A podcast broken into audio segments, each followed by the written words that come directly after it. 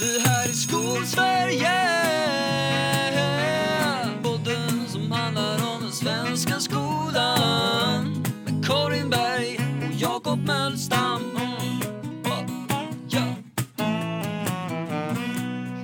Karin, det är fredag eftermiddag, fredag den 11 december eh, 2020. Det är en vecka kvar till jullov. Eh, det är målraka och jäklar vilken uppförsbacke det har varit hittills.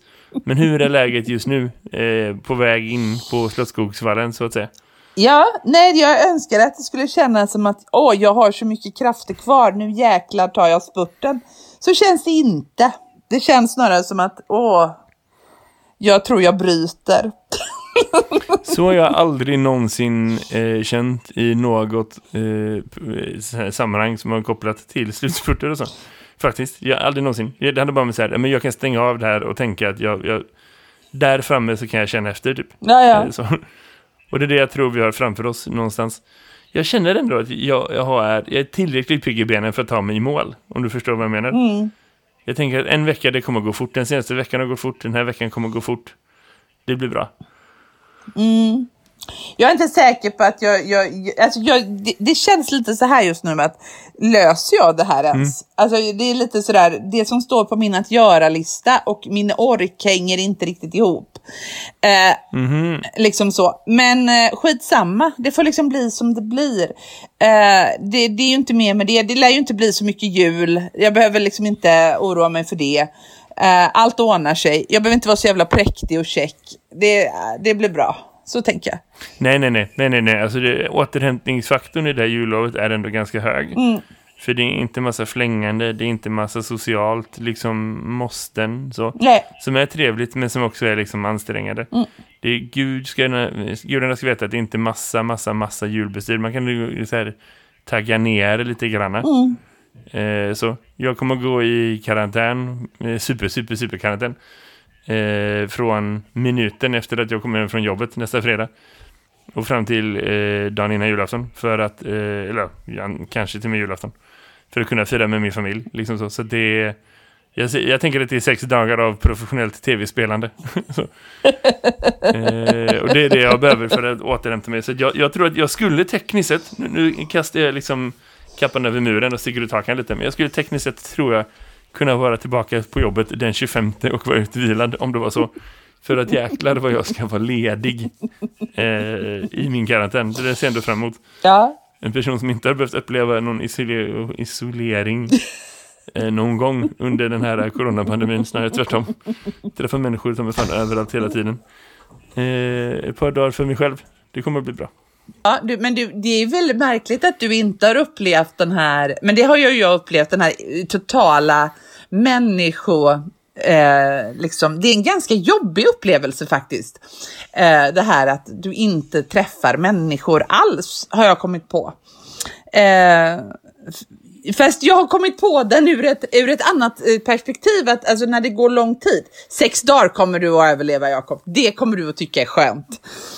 Eh, men eh, just det här när man går här hemma och man sitter vid sin dator eh, och man träffar lite elever lite grann. Ingen säger något för alla har stängt av micken. Det är dödstyst. Livet är. Eh, och så sen så går man hem och så, eller så liksom allt det här som man måste underhålla själv. Alltså sina sociala kontakter måste man liksom aktivt se till att lösa. Sina, eh, sin rörelse på dagarna måste man aktivt se till att lösa. Allt sånt där måste man se till att lösa. Och då blir det till slut att man bara orkar inte lösa något och så blir det bara allmänt. ja, Ja, men jag förstår det. Den här grejen med att liksom, eh, vad som räknas som att jag har varit aktiv idag. Eh, Ja. det, den liksom, den, den ribban sänks ju steg för steg. Och sen är det så här, ja men jag har ju gjort det här, nu har jag gjort någonting idag. Det förstår jag mycket väl att det där är liksom eh, en grej. Så. Och, och jag tänker att, i, vi var inne på det tror jag tidigare avsnitt, eller om det var i något samtal mellan två avsnitt, men liksom eh, rutiner och vanor. A och O. Eh, Så. jag menar, Jag vet inte, vi har jättemycket att prata om. Vi håller på att prata om det här. Jag vet inte hur vi hamnade i den här diskussionen. Men, men det som helst. Jag såg idag att Region Stockholm eh, rekommenderar eh, kommuner i regionen att hålla högstadieskolor stängda nästa vecka. Eh, för att minska smittspridning. Eh, de har fattat att betygen sattes idag. och att det som är nästa vecka ändå är helt värdelöst. Eh, och att den fika-traditionen som finns på svenska högstadieskolor mellan nu och jul mycket väl kan vara som de säger på engelska, non-essential. Alltså, det är kanske inte superviktigt att genomföra. Eh, ja, nej, men det är rimligt. Vi får se hur många skolor som i praktiken eh, liksom inte eh, sköts på plats i högstadiet. Men, Det kanske är så för första gången i Sveriges historia att vecka 51 är undervisning i årskurs 7, 8, 9. Det hade ju ändå varit en liten golfapplåd om så var fallet. Det kan, jag ska inte gå så långt som att säga att liksom pandemin gör det värt. Men det är ändå fint att det finns någon fördel i det. Jo, men jag, Eh, måste, det får man ändå säga. jag måste verkligen undra det, för det låter ju så konstigt. Vi sätter ju inte betyg, där- i den delen av skolsystemet jag är så sätter man ju inte betyg vid jul. Mm. Men och de gånger vi sätter betyg vid jul så sätter vi ju dem i januari. Det här Mm, varför... För att eh, jag ska, jag ska Varför? educate you. Kom hit, kom hit, kom kompis, jag ska sätta, sätta jag ska berätta. Eh, det handlar om att administratörer eh, måste få gjort det, eller de vill få gjort det innan jul, för att det är liksom en grej. Och då eh, hinner inte de jobba så mycket, och därför så får lärarna jobba mer eh, innan istället. Eh, så, och det handlar om att det är administratörer på skolor, administratörer längre upp i systemet. Så. Det handlar om, i årskurs 9 så handlar det om så här, typ de som ska söka till gymnasiet, för då finns det liksom massa deadlines i systemen som är designade som är bygger på att de betygen som du har eh, nu ska rapporteras in en viss dag för att administratörer längre upp i systemet eller längre bort i systemet ska kunna göra sitt jobb på det sättet de vill. Och i slutändan så sitter någon idiot som bara satte datum. Det är inte som att liksom varenda minut från nu fram till den dagen de tar första steget in på gymnasiet är fullsmockat med pappersarbete som måste hända. Det är inte som att det är ett väloljat maskineri som liksom, du vet, bara tar den tiden. Utan det är ju för att liksom vi är fast i någon idé om att säga nej, nej, vi måste ha det innan jul. Nej, nej, nej, vi kan inte ha julbetyg, som, eller så ett terminsbetyg som kommer i januari. Nej, nej, nej, hur ska det vara? Eh, utan det, Men det det är är ju, designar ett system som inte är för lärarna. Utan det är för administratörer och för administrationen. men det är ju Eh, och superkonstigt. allting som elever gör och allting som lärare gör den här tiden på året är, alltså i högstadiet, är för administrationens skull. Liksom systemets skull om man tänker så. Ja, Tänk inte en person som är liksom så här Gun-Britt på kontoret, inte hennes fel, det inte hon som är skurken i den här historien. Men liksom hennes overlords är skurkarna som vi, som vi borde prata om liksom. Eh, så. Men det låter superkonstigt ändå. I mitt, mitt huvud låter det ju så konstigt när eh, liksom en... Eh, alltså det är ju inte förrän i februari som de ska söka till gymnasiet.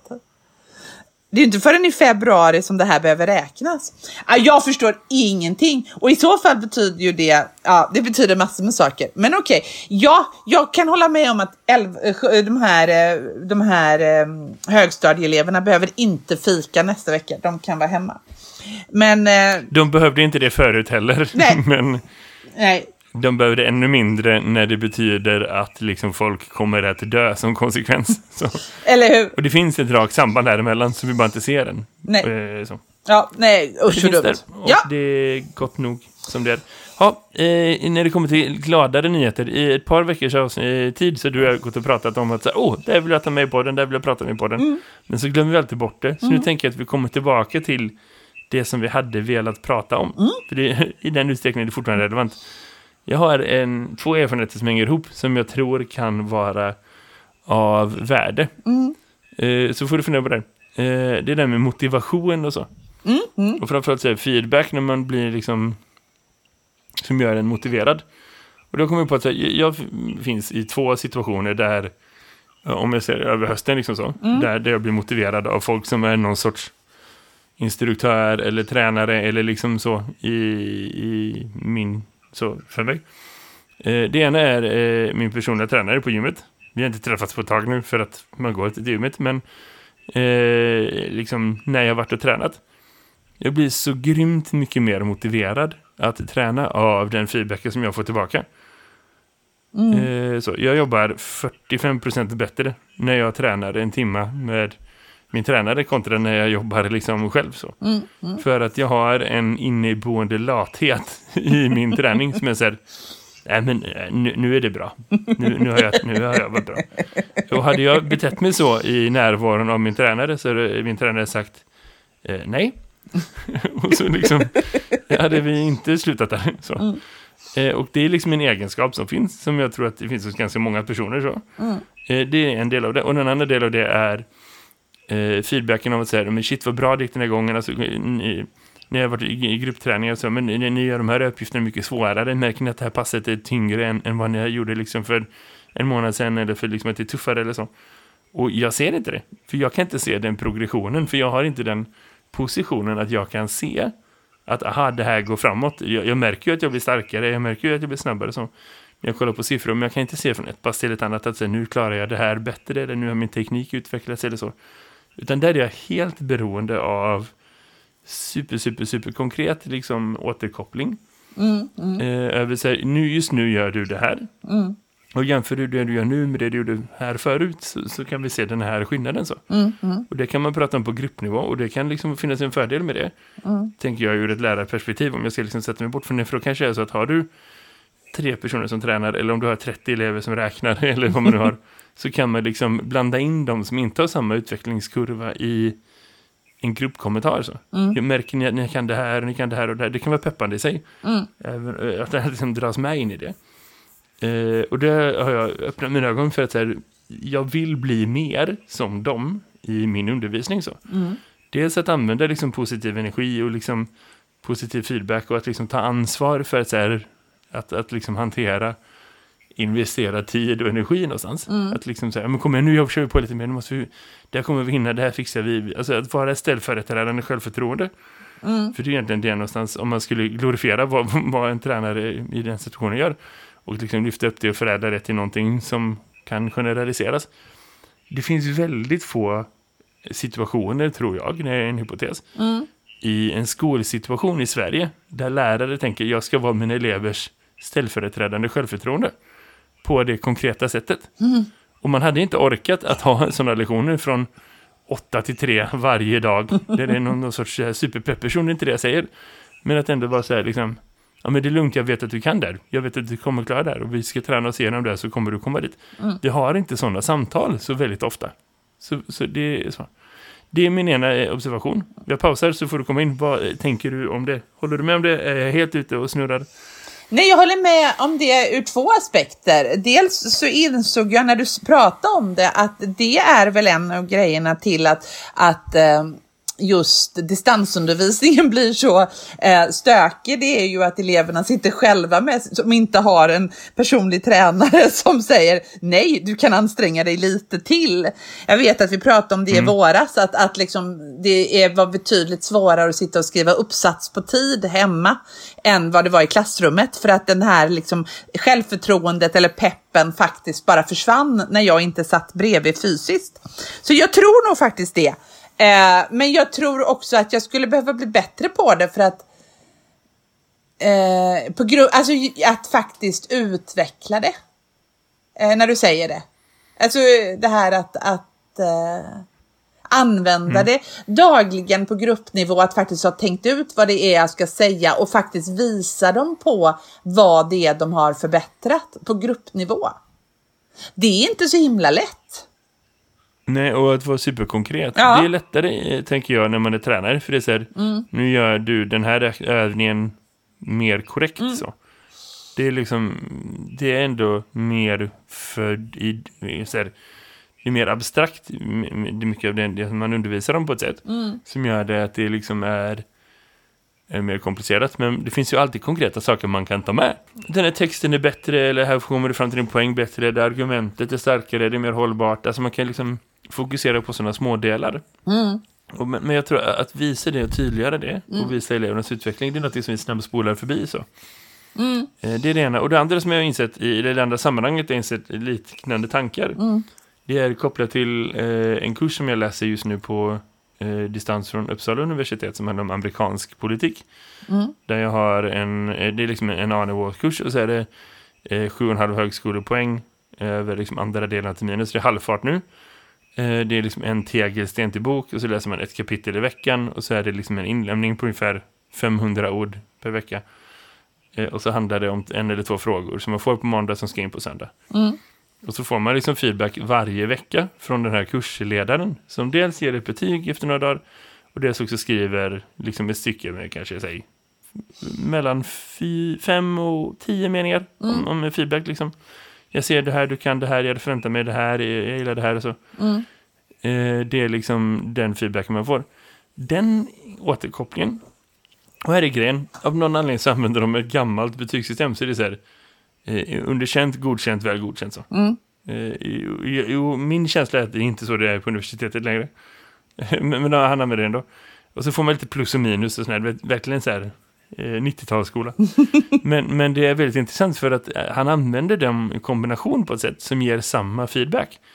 Där jag blir så här, jag vill nästan, när jag läser en feedback vill jag nästan gå tillbaka och eh, fixa till och förbättra eller liksom utveckla texter även när det är bra. För att jag, den feedbacken han ser är så här, ja, ah, det här är intressant. För det är ett område. Och det som är specifikt med det här tror jag är att det är ett område som jag är intresserad av och som jag läser för att jag är intresserad av det. Eh, och det är en person som kan mer än mig om det området. Vilket innebär att jag hamnar i någon sorts liksom Åh, mästare sensei liksom vibe av att liksom man bara vill Ja men förstår du, det är så här, lär mig mer, lär mig mer, berätta mer. Eh, Och att vara i den relationen eh, som lärare, att få gå in i den rollen som elev eh, Jag lägger ett par timmar i veckan på det. På, på att läsa och på att skriva och på att liksom kolla vad jag fick för feedback för sist, vad ska jag ta med mig så. Och, och det är super, super motiverande att börja med att säga, okej, okay, vad, vad tyckte han om det förra? Vad tyckte han om det förra? Om jag tyckte det här, okej, okay, hur ska jag utveckla det? Okej, okay, men nu tar vi an den här uppgiften på det, det här sättet. Så super, super motiverande mm. också. I, men här mm. finns det så här en tydligare koppling till vad det egentligen handlar om. För, för vad både min tränare använder och vad den här kursledaren använder är sin bedömning och sin bedömningspraktik som ett sätt att motivera mig. Förstår du? Mm. Mm, och, och det, det, är liksom en, en, man kan inte rakt översätta någon av de två situationerna till den situationen som elever finns i, i det obligatoriska skolväsendet. För att i båda sammanhangen så är jag där frivilligt och jag har någon sorts grundmotivation. Mm. Och liksom, eh, jag är äldre, jag är, man kanske kan tänka att jag är så här, kan, jag har lättare att ingå i generiskt sammanhang och säga okej, okay, jag tar ansvar, nu ska jag köra på det här. Mm, eh, så mm. gudarna ska veta att man är distraherad som vuxen också, men på ett annat sätt liksom, än, än vad man är om man är 14. Men, men det finns ändå någonting i det, för jag har inte tänkt på bedömning som någonting motiverande förut.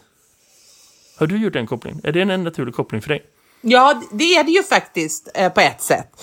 Eh, jag vet att jag har läst liksom mm, så här, alltså bedömning för lärande, alltså de här böckerna, de här när man gör. Eh, ah, ja, jo, jo. Eh, och där har ju liksom, men, men även de här då som, som handlar om, vi pratade ju om det mycket för länge, länge, länge sedan kommer inte ihåg. Men då, och det, det här har jag funderat jättemycket på att, eh, att sätter man ett betyg E till exempel på ett mm. prov. Eh, och så, mm. eh, så, så tar man bort motivationen för eleven att lära sig av, för då läser inte eleven kommentaren och då kommer eleven inte att lära sig no någonting då för att då kommer de inte att gå tillbaka i sin text och titta eh, vad det var som de liksom, eh, utan de nöjer sig mm. med betyget och sen så lämnar de det och går. Och så finns det då en del forskning som visar att om du skriver en, en kommentar utan betyg så läser eleven hela kommentaren och så vidare. Och så vidare. Eh, och eh, mm. just de där teorierna fick ju våran skola till exempel att faktiskt bara sätta, ge betygsprognoser. Det och att det är omöjligt att sätta betyg på en specifik uppgift utifrån A, B, C, D, E eh, betygssystemet mm. eftersom det är ju en sammanlagd kunskap över, alltså ju, du kan ju inte liksom få ett betyg på en specifik kunskapskrav. Det är ju inte så betygssystemet är upplagt. Eh, nej, nej. Men, men det, för det första är det ju så att eleverna när de kommer, så det blir alltid en väldigt lång diskussion för att de är vana vid det från högstadiet. Och från mellanstadiet i årskurs 6 så har de fått, ända sedan dess så har de fått liksom så här, du fick eh, E på det här och du fick C på det här. Och, så, och när de då kommer till gymnasiet och den elaka läraren Karin ja, säger att du får veta din prognos i januari, nu fokuserar vi på lärandet här, så tar det, är det en ganska hård kamp som jag måste gå med dem innan de de släpper de här betygen för att det, då kan de hålla sig lugna och det är framförallt de duktiga eleverna som vill ha de här eh, betygen och då, då har man liksom gått till någon matrisform och sådär. Eh, och, men jag tycker att det fortfarande är svårt. Det är en konst att ge feedback som blir motiverande. Eh, Det är svårt att få feedbacken, för man lägger, jag lägger jättemycket tid på när jag läser elevers texter och när jag liksom eh, tittar. Alltså, dels så språkrättar jag och dels så vill jag ju liksom ge dem feedback på form och innehåll och på disposition och på på helheten och sådär. Och jag lägger väldigt mycket tid på det. Jag sätter ganska stor ära i hur det går till. Och jag har liksom ett system där de liksom får liksom ett, ett resultat på alla delar och så. Men jag är inte säker på eller jag vet i fanken mellan dig och mig om inte det mest motiverande jag har gjort den här terminen är när jag av ren trötthet satte guldstjärnor på elevernas prov istället. För det tyckte de nästan var liksom Eh, det tyckte de var så otroligt befriande roligt att de blev liksom att de jämförde med varandra. Hur många guldstjärnor fick du? Istället för alla de här komplicerade, det här har du förbättrat och ser du nu vad du kan och bla bla bla. Eh, och då blev jag så här, vad fan, här håller jag på att slita livet ur mig och så funkade guldstjärnorna egentligen mer. Förstår du vad jag menar? Jag förstår precis, och, och det jag tror egentligen är att man behöver fundera på liksom syften. För det finns två syften med bedömningar. Dels finns det, för jag, vi går tillbaka, ja, skitsamma. Det, finns egentligen två syften i det här. Dels är det att bedöma för att, att vi kan kartlägga vad elever kan och inte. Och då behöver man vara supersystematisk och jättenoggrann och allt det där. Sen handlar det om att liksom, det finns ett syfte att också kunna återspegla tillbaka till eleverna vad vi ser. För att ge dem det perspektivet av att vara en person som står på andra sidan. Och vara så här, okej men du ska hit, du ska göra den här vägen. Och då behöver man inte vara så himla, tror jag, eh, superdetaljerad alltid. Eller du behöver inte vara omfattande snarare. Du behöver inte omfatta Nej. hela området. Utan det, det handlar om att så här, jag ser det här och liksom eh, jag, jag märker den här skillnaden och det här är nästa steg. Så. det, är den, det är den feedbacken som man behöver och den behöver vara precis, den behöver vara lätt att förstå och den behöver vara liksom eh, peppande. Så. Det är de bitarna. Och, och jag tänker att vi ofta använder vi samma text, eller samma underlag eller samma, liksom, samma tanke någonstans i det. Eh, och det, det kanske man behöver bli bättre eh, på att differentiera så. Det kanske är så vissa saker som jag om jag går till min bedömningspraktik så har jag en massa liksom situationer där jag bedömer mina elevers kunskaper men jag inte kommunicerar det med dem. Så jag liksom ger dem en uppgift så på vägen ut och svarar på det. Kollar av sig hur mycket jag har fattat det här och så. Eh, jag kan slänga ut liksom varsin post-it per person, ge dem en uppgift. Okej, okay, men det här. För att se att de har förstått liksom metoden för detta och detta. Eller liksom eh, vad det nu kan vara. Jag kan ha många så små grejer som inte betyder så mycket för dem för att jag inte återkopplar till dem. Och sen har vi liksom större och formellare bedömningar i, som, som betyder mer och som de eh, liksom också får tillbaka och som de får mer energi på. Men man borde feedbacka oftare och mer konkret. Så Bra, nu ser jag att ni kan det här, jag märker det här och det här. Det borde man göra oftare. För att liksom ta ett större ansvar för att leda dem framåt, tänker jag. Och det behöver man inte lägga så mycket energi på. Det, det är absolut en stor eh, del av ens bedömningsarbete egentligen. Men vad jag tror många lärare fastnar i, och som jag hör mellan raderna i det du beskriver, är liksom att man lägger massa, massa tid, för man vill vara exakt och man vill vara professionell. Och det är en del av liksom betygssättningen och det är myndighetsutövning och då vill man liksom vara... Mm, mm. Det är det som alla lärare går igenom den här veckan i grundskolan, eller i högstadiet i alla fall. Och som jag tror att Ja. som, som kommer tillbaka i perioden är det så här, nu måste jag uh, jobba på det här. Och då har man inte tid med några samtal. Då har man inte tid med att sätta sig ner med elever och säga, du jag märker att du kan det här, vad bra. Vad... Mm -mm. Det är inte det man är där för då. Men man måste, om man har lika mycket tid över hela terminen på att liksom prata med folk och vad säger du, vad hände med det här? Varför ser jag inte det här? Eller liksom, jag märker att nu kan du det här och det kunde du inte förut, ser du det själv? Sådana bitar behöver man bli mycket mer kommunikativ i. Och det tror jag att man gott väl kan lära sig av andra situationer. Och jag tror att det är asnyttigt att all, det, det, det här, om jag får bestämma över alla lärare så jag ser till att liksom en del av den här kompetensutvecklingstiden som var gick ut på att lärare fick lära sig nya saker på organiserade och formella sätt. Inte bara att du sitter på en föreläsning utan att man var tvungen att gå en kurs. faktiskt. För att Men- vara en student igen. Det tror jag är det man behöver vara. För att förstå fullt ut liksom hur det är att vara på mottagarsidan av, av någonting av det här. Liksom så, om det oavsett om det är en bedömning eller motivation eller liksom, man ser lärare som är bra eller dåliga. Man blir så här, "Fuff, den där läraren är inte bra. Det öppnar också ögonen för att man lär sig hur saker funkar. Liksom. Nej men det tror jag absolut att man behöver vara. Det här att vara på andra sidan och just det här att fundera över hur man själv lär sig och vad man behöver för feedback för att må bra och sådär. Eh, och också, jag tänker ju också på hur jag reagerar på feedback. Jag, jag, jag är ju precis som de här tjejerna jag har i min klass, att får jag inte A så vill jag inte vara med. och det är ju ganska hemskt. Alltså det här att jag vill ju liksom, jag hör vad de säger mm. men jag är ju full i försvar. Alltså jag är full mm. i och jag behöver ju jobba med det. Jag ser ju det som 45-åring förstår jag ju att det där är ju inte en sund inställning till lärande. Det där behöver jag göra Nej. någonting åt. Eh, jag begriper ju det och jag kan ju skoja om det. Jag skojar ju med dig om det när jag säger så att jag liksom blir liksom mm, mm. Eh, men samtidigt så ligger det ju någonting i det att jag tycker liksom att eh, Eh, det, det, blir liksom, det finns någonting i det där som är så grundmurat i mig på något sätt i den där lärande situationen. Eh, samtidigt så, så, eh, så tror jag mellan, eh, så tror jag ju just det som är svårt, som jag upplever är svårt, det är ju att den bästa feedbacken jag ger, det är ju när eleverna har hållit sina tal. Eh, dels för att det är så lätt att feedbacka det. Eh, för det är så tydligt att ser du, det är så lätt att säga, det är precis som med dans eller med, med fotboll eller med liksom, lyfta vikter, mm. att det är så lite justeringar som krävs för att det ska bli bra. Det, det är mm. liksom att eh, peta bort där, gör det, eh, liksom sådär. Och när man mm. gör det så blir det så väldigt mycket bättre och, man, och jag är ganska duktig på feedbackavtal. Vilket gör att... Men det är lätt men, att vara konkret. Ja, det är det du säger. Ja, precis. Det är jättelätt att vara konkret och tänk på det. Om, om, du gör så här istället så kommer det bli mycket bättre. Och så blir mm. det mycket bättre och så får de prova så känner de det och de känner sig säkra och sådär. Men eh, det gör jag ju muntligt. Då pratar jag, då är det ett samtal och det tar ju ganska lång tid när eleverna då är i klassrummet och gör någonting annat. En skriven text borde jag ju feedbacka oftare muntligt, men då skulle ju det är ju det här ska jag ta den tiden från lektionstiden? Det är ju det här man brottas med då. Hur ofta ska jag prata en och en med eleverna? För det tar ju två lektioner att prata med 32 elever. Om du det... måste prata med alla 32? Ja, och det är där är en fråga också. Det kanske jag inte måste.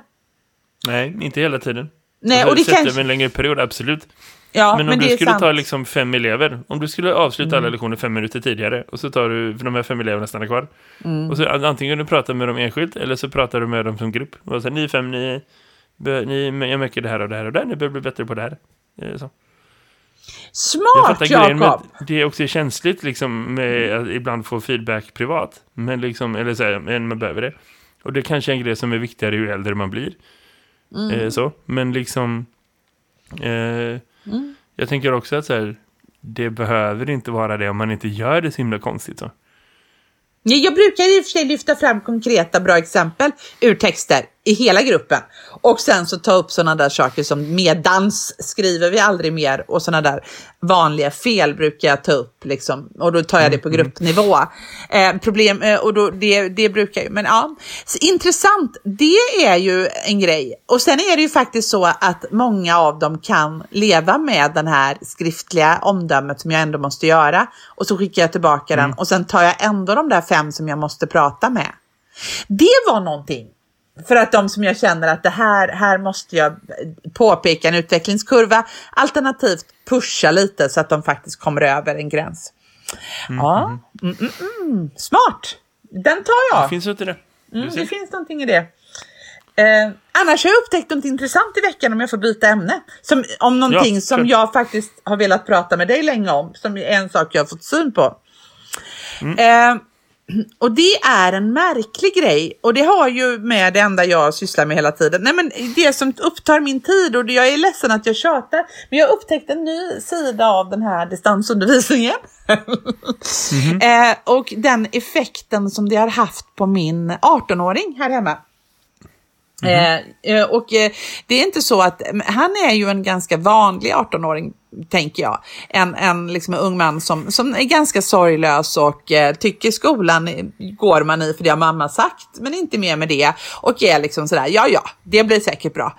Eh, så. Mm. Eh, och eh, liksom tog sig igenom nian, nio år utan liksom, större svårigheter men inte med några stora, liksom, inte högsta betyg i några ämnen så.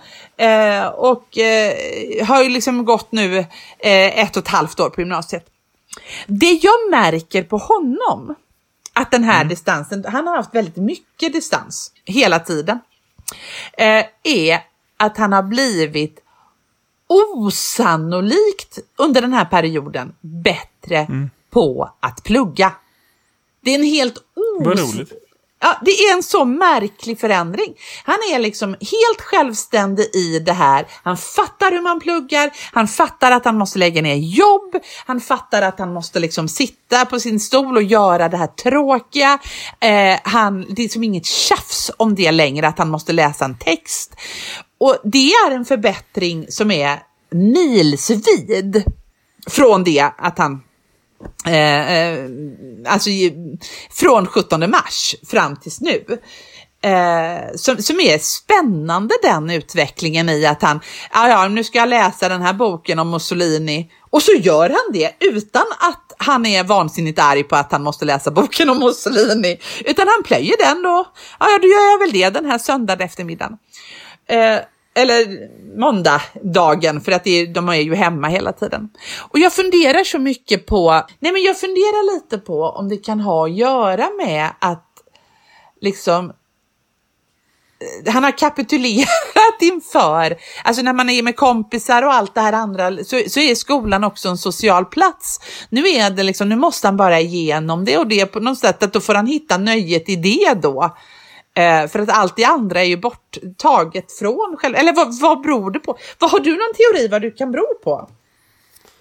Eh, men jag, jag tänker två saker som intresserar mig där. Dels är det liksom eh, vad hade hänt om han hade gått igenom samma liksom, tid i, i gymnasiet utan Mm. att liksom vara i pandemi.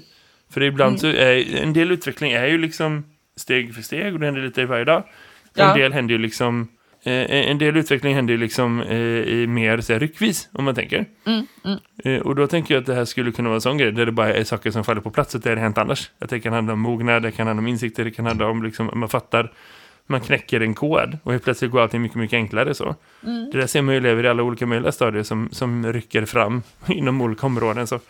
Och helt plötsligt Ja. bara, aha, nu, nu har den personen fattat, vad bra, nu kommer det gå bra med det här och där och så får man passa på och smida medan det liksom eh, järnet är varmt så att säga.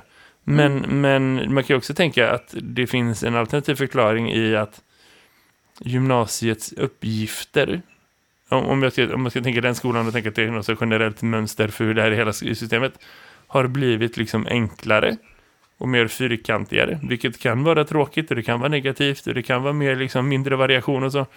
Men det kan också göra att man har lättare att se kopplingen mellan prestation och resultat på ett annat sätt. Eller så.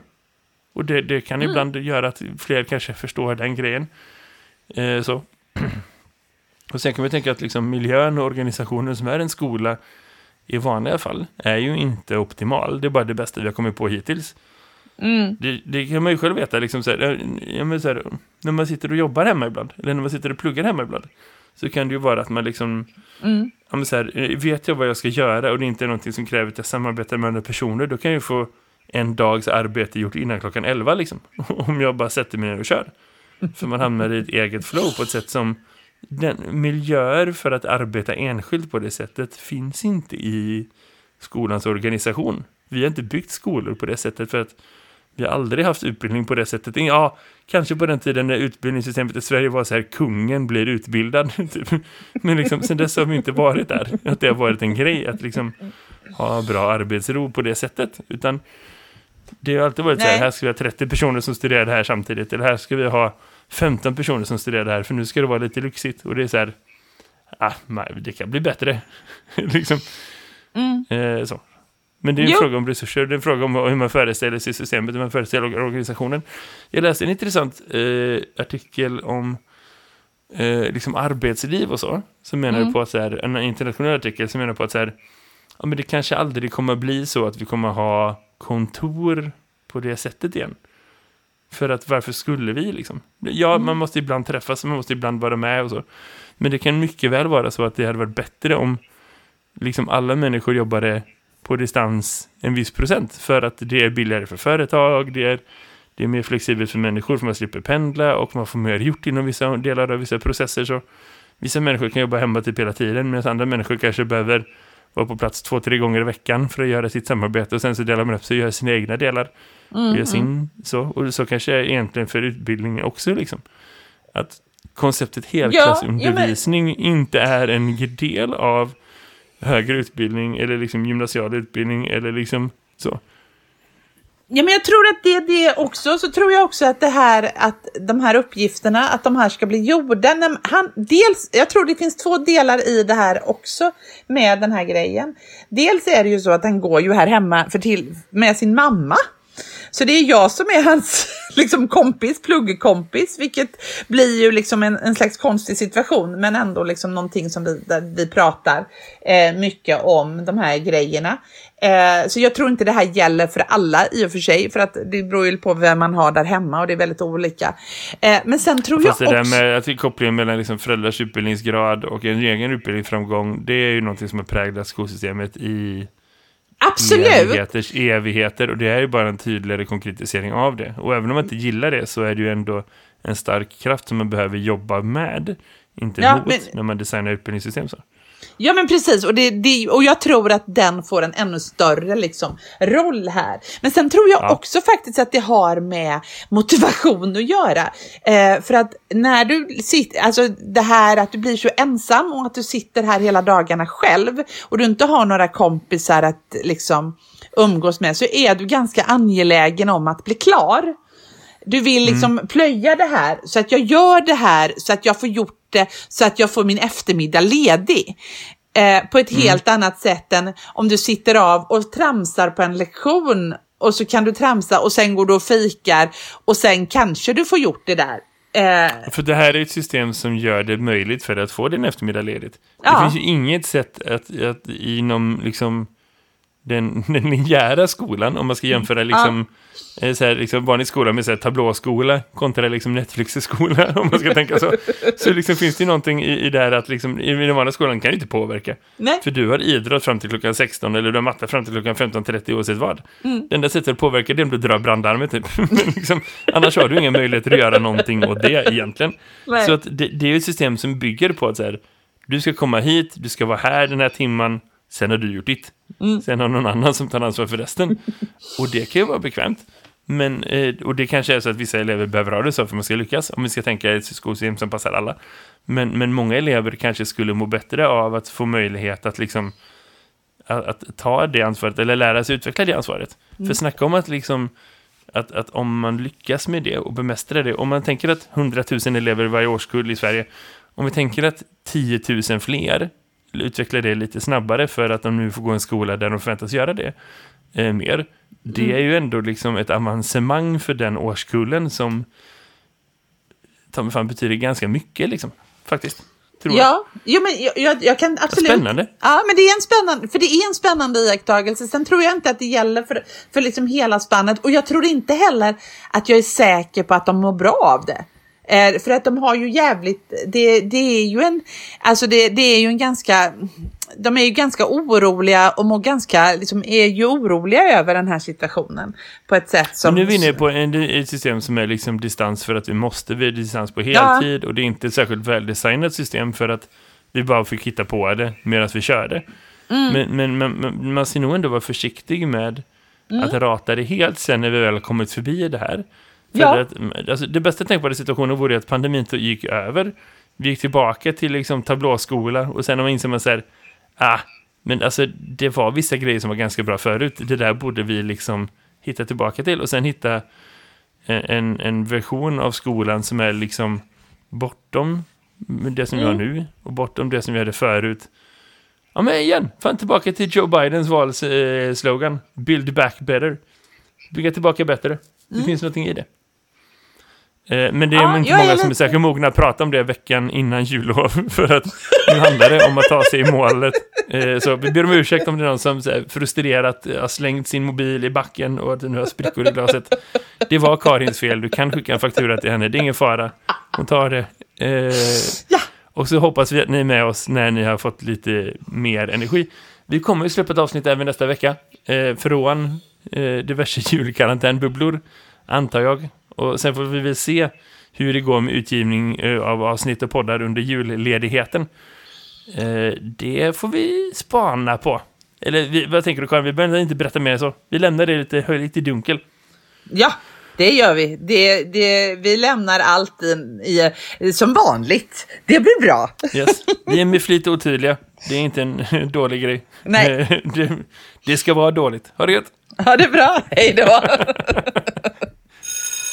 Vi här i Skolsverige